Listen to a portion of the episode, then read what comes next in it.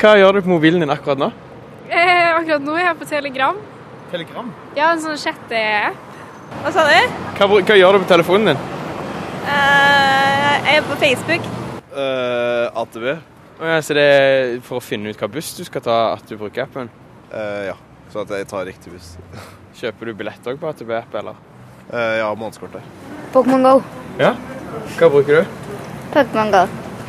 Og du har ingen mobil foran deg? Nei. Strømmen har gått tom på den, så han har min. Er det, er det noe bra fangst i dag, da? Eh, ja, det er ganske mye. Er det det? Ja. Hva har du fanget i dag, da? Eh, litt forskjellig. Uh -huh. Du har fanga Gengar. Gengar har jeg. Ja. Nei. Nei, det har du ikke. Jeg har fanga Gengar. Hva tror dere det ligger i det å lage en app? Jeg vet ikke helt. Jeg vet ikke. Jeg har ikke lagd app ennå. Det har ikke jeg heller. Er det noe dere tenker at dere kunne blitt når dere ble store? App-makere? Nei. Nei, det er kanskje helt. Hvorfor ikke? Fordi det er liksom Eller man kunne jo det, da. Det er jo litt kult. Ja. Hva syns du? Jeg tror ikke jeg vil det. Men Da skal jeg gå og finne ut uh, hva som skal til for å lage en app, jeg. så får dere ha en fin dag. Ha det godt.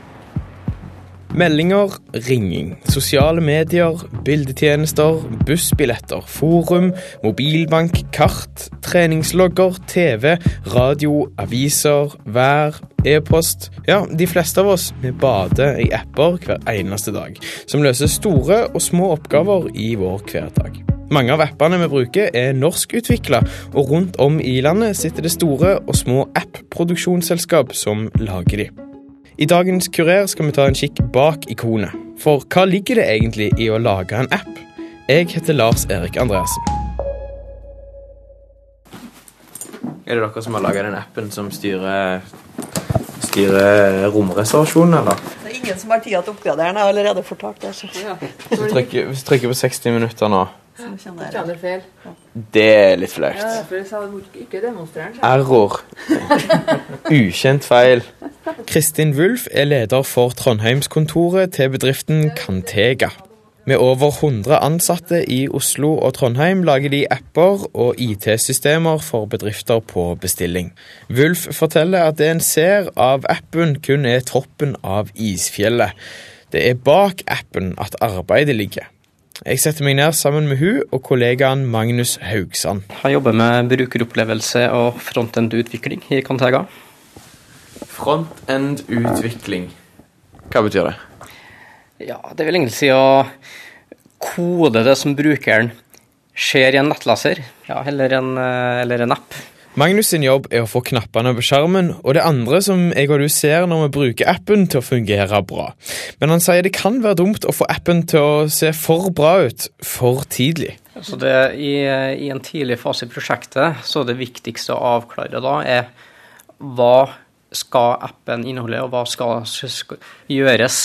Det vi ønsker å presentere til kunden da, er jo hvilke tanker har vi? Altså hvilke valg skal brukeren bli, presentert for? Eh, hvordan skal appen fungere? Hvordan skal det være mulig å navigere seg liksom fram og tilbake? Eh, og da eh, bruk av farger og grafisk inntrykk blir mindre viktig. Det kan være krevende å lage skjermer der vi klarer å presentere vårt budskap til brukeren på god nok måte, uten at brukeren henger seg opp i grafiske detaljer og begynner å eh, kommentere kanskje den burde være litt mer blå, eh, osv. Så, videre. så det, det, er en liten øvelse det å lage, lage mockups som, som er gode nok. Selv om Haugsand og co. kanskje har ei ganske konkret skisse foran seg over hvordan den ferdige appen kommer til å se ut, hender det at de kun presenterer en muntlig versjon når kunden kommer inn på møtet. Det er fordi at det er mye vanskeligere å få en app til å fungere bra enn å få en app til å se bra ut. Når en kunde kommer til oss, og vi akkurat har begynt med utviklinga, så er det jo sånn at de øh, Hvis det ser for ferdig ut, da, så kan det være lett å tro at ja, nå er det verste gjort. Eller altså, nå, nå er vi igjennom. Men så ligger det så utrolig mye arbeid igjen bak for å få kobla opp data, for å få kobla på de reglene som bestemmer hva som skal vises når og til hvem. Uh, så det er utrolig mye arbeid igjen, som Magnus sa, så er det altså den appen er bare toppen av isfjellet. Men, men så er det det som er lett å forholde seg til.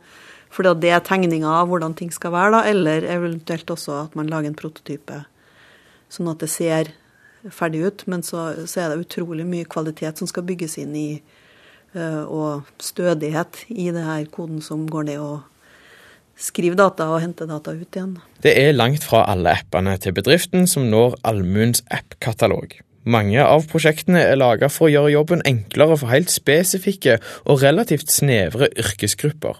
For noen år siden laga de en app som kun skulle brukes av konduktører og personale på Flytoget. Det å, å legge det opp sånn at det passer rett inn i, i arbeidet deres og effektivisert det, så, vi, så, sparer de 300 000 kroner i papirutgifter annet hvert år. Uh, fordi at den kvalitetshåndboka deres ble før trykt opp på papir og leverte ut, sånn at alle måtte gå og hente og putte inn i en sånn bok eh, ja, hver dag, tror jeg faktisk, der konduktørene måtte gå og hente der, de der papirene da, før de skulle ut og kjøre tog. Så de kan møte opp senere. De får informasjonen direkte på, på den appen. De kan krysse ut at den er lest, så man har registrert at ok, det her informasjonen er ikke bare mottatt, men den er faktisk lest også. Og de kan sjekke inn noe som er viktig for flytog konduktører. For de må, de må, si ja, jeg kommer på jobb. For hvis ikke de gjør det, så, så, må de jo sette inn en vikar som kan kjøre det der toget. Så det, så det å treffe uh, ordentlig på behov er jo viktig for at det her skal bli noe som lever, og noe som, som gir gevinster for bedriften. da. Et nyere eksempel er en app de lager nå for Fiskeridirektoratet. Wulf og Haugsand tar meg med til pulten til Johannes Harestad. Hei. Hallo. Du holder jo på med fettgrensen. Ja. Har du tid til å fortelle litt om det? Ja. Har du, har du noe å vise frem nå, eller? Ja, jeg må bare I kontorlandskapet legger jeg merke til balanseballer, lekebiler og et biljardbord. De som jobber, har gjerne både telefon, iPad og en PC-skjerm foran seg samtidig. Harestad taster et språk jeg ikke forstår, inn i et svart vindu med hvit og grønn skrift. Han forteller datamaskinen at den skal starte opp appen som han jobber med. Jeg lager en uh, applikasjon for de som jobber i Fiskeridirektoratet. Han viser fram en iPad med det som ser ut som et slags spørreskjema på skjermen. Så De skal ha med seg ut i feltet. Det er derfor vi kaller det feltklient. Som skal kjøre på, på iPad. Um, det er vel for å kvitte seg med papirer, stort sett. Um, ja, bytte ut papir papirer og skjema med, med iPad. Mm. Ja, Det er vel essensen. Det er ikke en app som blir tilgjengelig for alle? Bare de som er Det er for de som jobber innenfor et bestemt område i eh, Fiskeridirektoratet. ja. Bransjen går godt. Mange selskap søker etter nye utviklere som kan være med på å lage framtidens apper. Og her er de unge en stor ressurs. De som begynte på universitetet i år, var ti år da den første iPhonen kom. Derfor blir de definert som digitalt innfødte, der voksne som ikke har vokst opp med teknologien, er digitale innvandrere. Det er de innfødte som skal forme vår digitale hverdag i årene som kommer.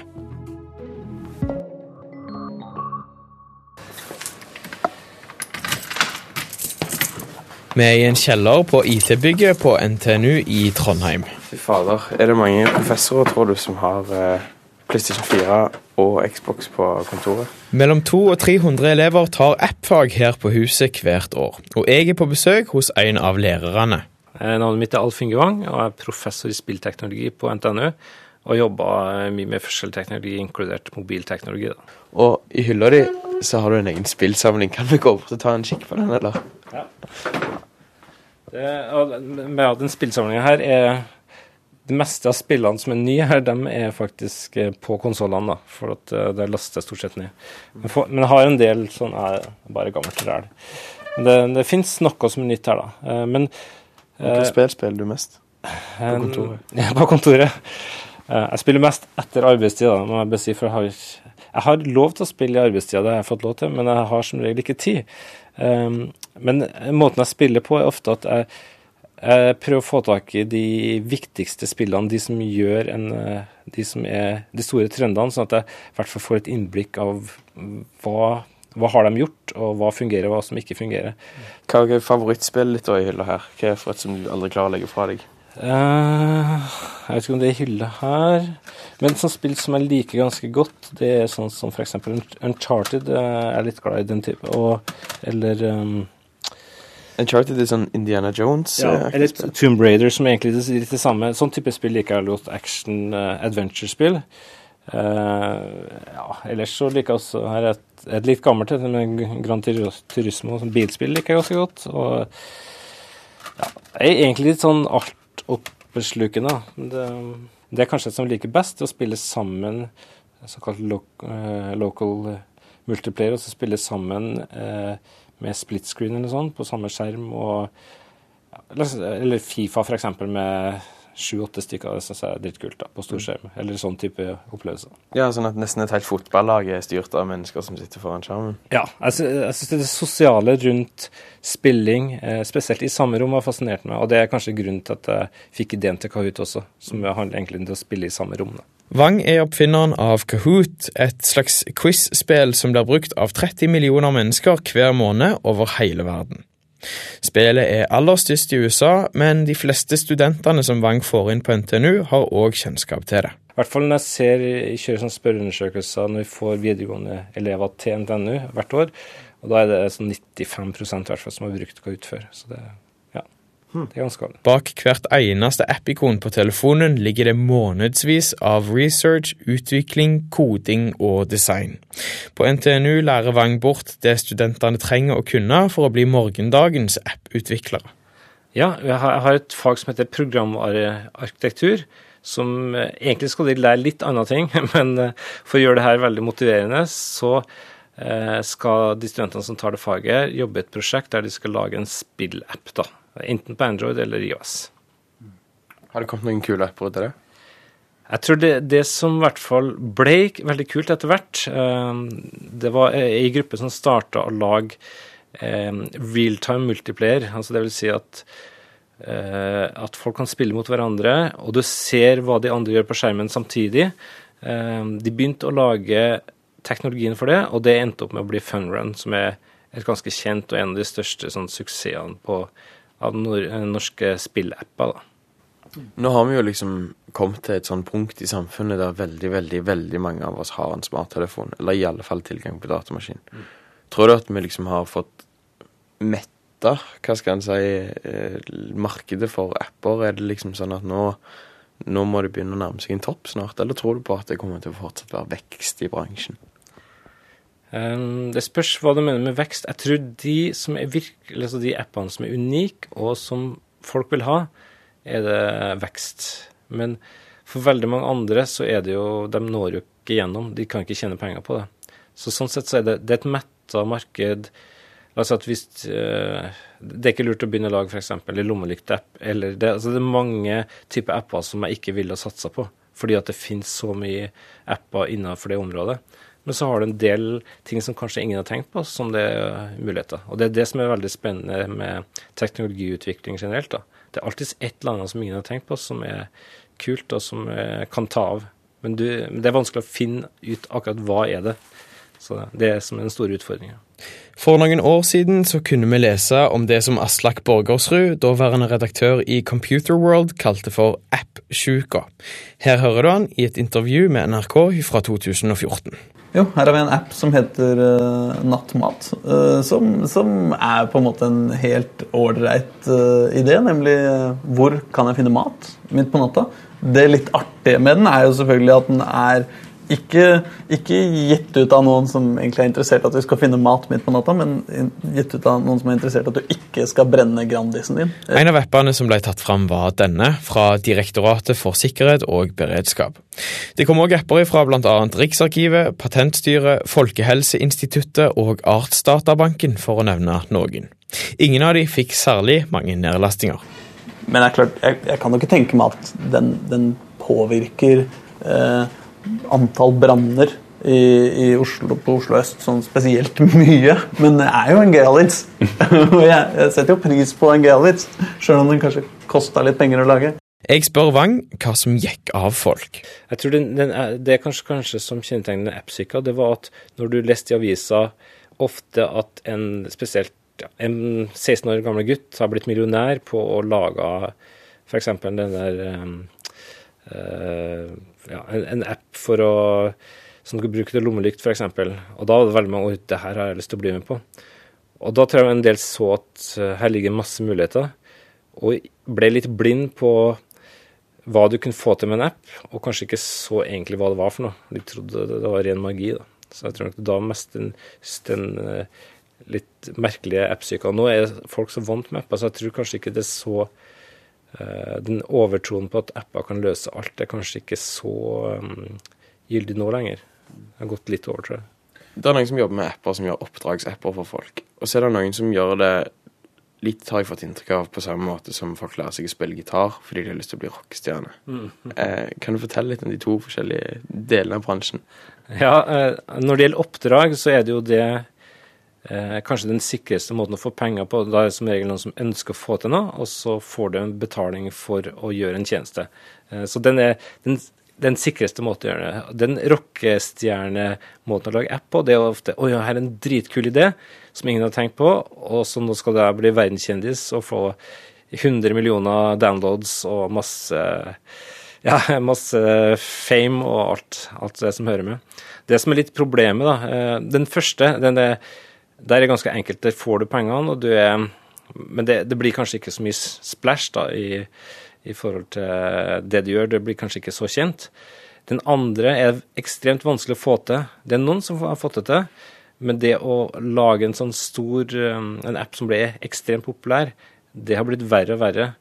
Det er så mange som lager apper hele tida, um, og lista for å lage en app er ganske lav.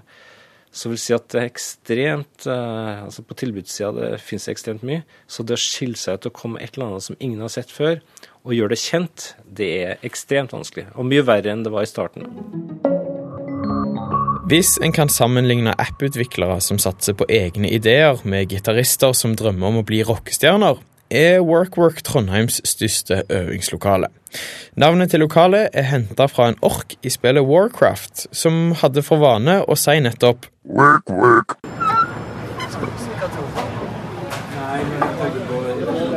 I første etasje er det bar og kafé, shuffleboard og en egen gamingseksjon. Opp trappa er kontorene. Her sitter det folk og programmerer, utvikler og designer sine egne app-ideer. Støy og liv overalt her. Og du, du, snakker, du tar opp allerede? Ja, jeg gjør det. du begynte før du kom inn? Ja. Robert Leite er en av de som leier kontorplass her. Drømmen er å slå igjennom med sine apper. Vi går opp i kontorene i andre etasje. Her sitter det folk på faste plasser. Her er de holder på å lage spill, og han jobber på NTNU.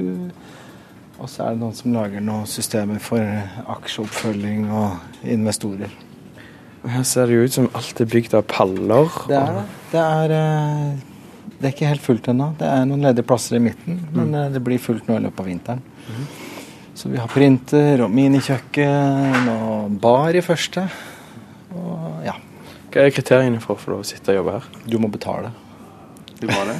det er ikke noe annet, nei. Du, må, du betaler en lisens etter om du skal sitte på en fast plass, mm. eh, sånn som jeg gjør, eller om du vil bare komme og ta den pulten som er ledig. Eh, sånn drop-in kan du komme og være der en, en eller to eller tre dager i uka. Eh, men det er veldig mange som sitter fast. Men så er det mange som sitter nede i kafeen. Så den åpner tolv hver dag, og der kan man ja, drikke og spise og holde på helt til kvelden.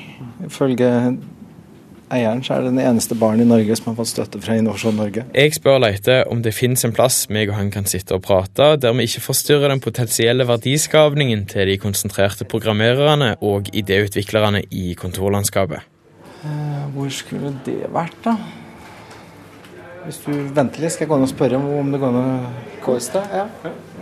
Han forsvinner ned trappa til første etasje, men eh, kommer fort opp igjen. Vi kan gå i kjelleren. Ja. Vi tester kjelleren. Er. Vi finner oss til slutt en knirkende benk skvist mellom husets ølkjeller og ei rekke med retro flipperspill. På bordet ved siden av oss sitter det fem-seks ungdommer og koder på hver sin PC-skjerm. Jeg spør Robert Leite hva firmaet hans egentlig gjør. Vi er et lite konsulentfirma som har en del ideer til online-løsninger og apper. Og så prøver vi å få med oss investorer og partnere og lage de, og så få de ut. Eh, så det her er vår første app. Så det er like spennende for oss. Mange nye startups på huset her. Så det, vi er jo ikke garantert suksess. Men Men for Det lurer jeg på, fordi at du kan ikke programmere.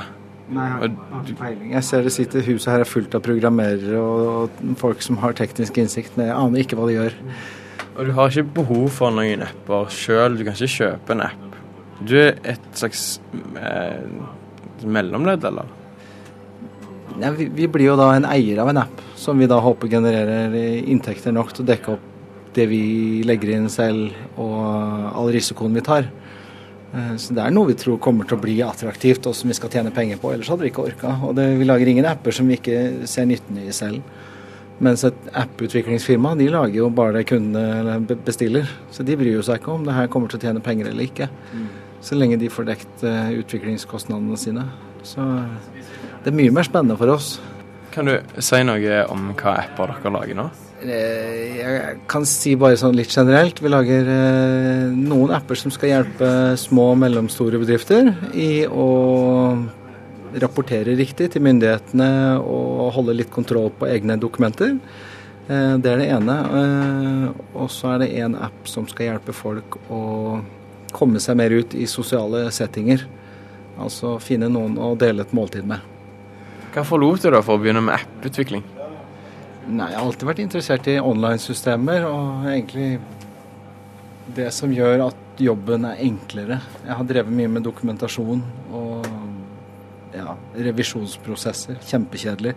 Eh, mye papir og dokumenter. Så hvis du klarer å gjøre ting enkelt, så kan du gjerne gjøre det på en app. Så alle appene har egentlig med forenkling å gjøre.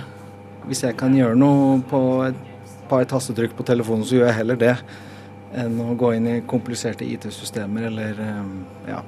Så det er egentlig det det Og jeg tror alle tenker som oss. Kan det, kan det gjøres enkelt, så vil vi ha det sånn. Og spesielt hvis det er gratis eller billig.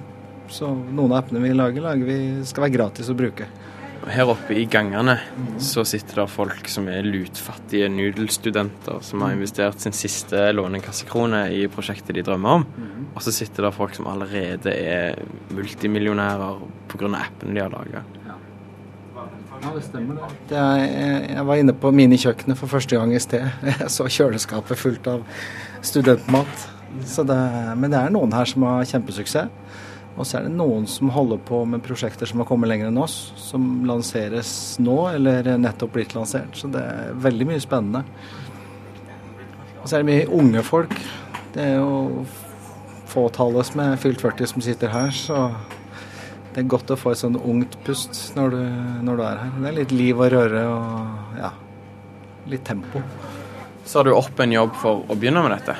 Nei, jeg har en jobb ved siden av så, som også er konsulentbasert. Så det Nå kan jeg bare velge hvilken PC jeg skal ta opp, og hvor jeg skal sitte. Så det er en, kall det en ekstrajobb for meg da foreløpig. Men eh, målet er jo at eh, appene skal bli noe jeg kan holde på med fulltid. Så du risikerer ikke sånn kjempemye økonomisk på det arbeidet du gjør her? Nei, jeg risikerer å bruke kjempemye tid og engasjement og glede meg over ting som kanskje ikke blir noe av. Og det er jo nesten like ille. Så eh, jeg bruker jo ikke noen egne penger, eh, med mindre man skal regne om tida si i penger, da. Da koster det meg ganske mye. Eh, Men du lever bare en gang og prøver litt, se hva som går. Og det er jo ingen som jobber med noe her som de ikke har tro på. Så det tror jeg er mange her som vi kommer til å lese om eller se etter hvert som gjør suksess. Ikke bare, ikke bare han største som er på huset. Nei, Er det en slags gudfar? Nei, ja, det er Wordfeud, eh, han som har laga den, er jo på huset. Håkon Bartheussen er navnet hans, mannen bak Wordfeud. Bokstavspillet der en konkurrerer med venner om å få flest poeng. Spillet ble lansert i 2010 og håver fortsatt inn millioner av kroner hvert eneste år. Om en skal sammenligne appmakere med rockestjerner, er Bartheussen Workworks Jimmy Hendrix. Sjansen de andre på huset har til å slå han, er kanskje liten, men Leite har troa på at det kommer til å komme flere millionsuksesser fra appmiljøet i Trondheim. Det er et par andre av oss som jeg tror kommer til å bli ganske store. Og så er det å- gjøre å se om vi òg kommer opp dit.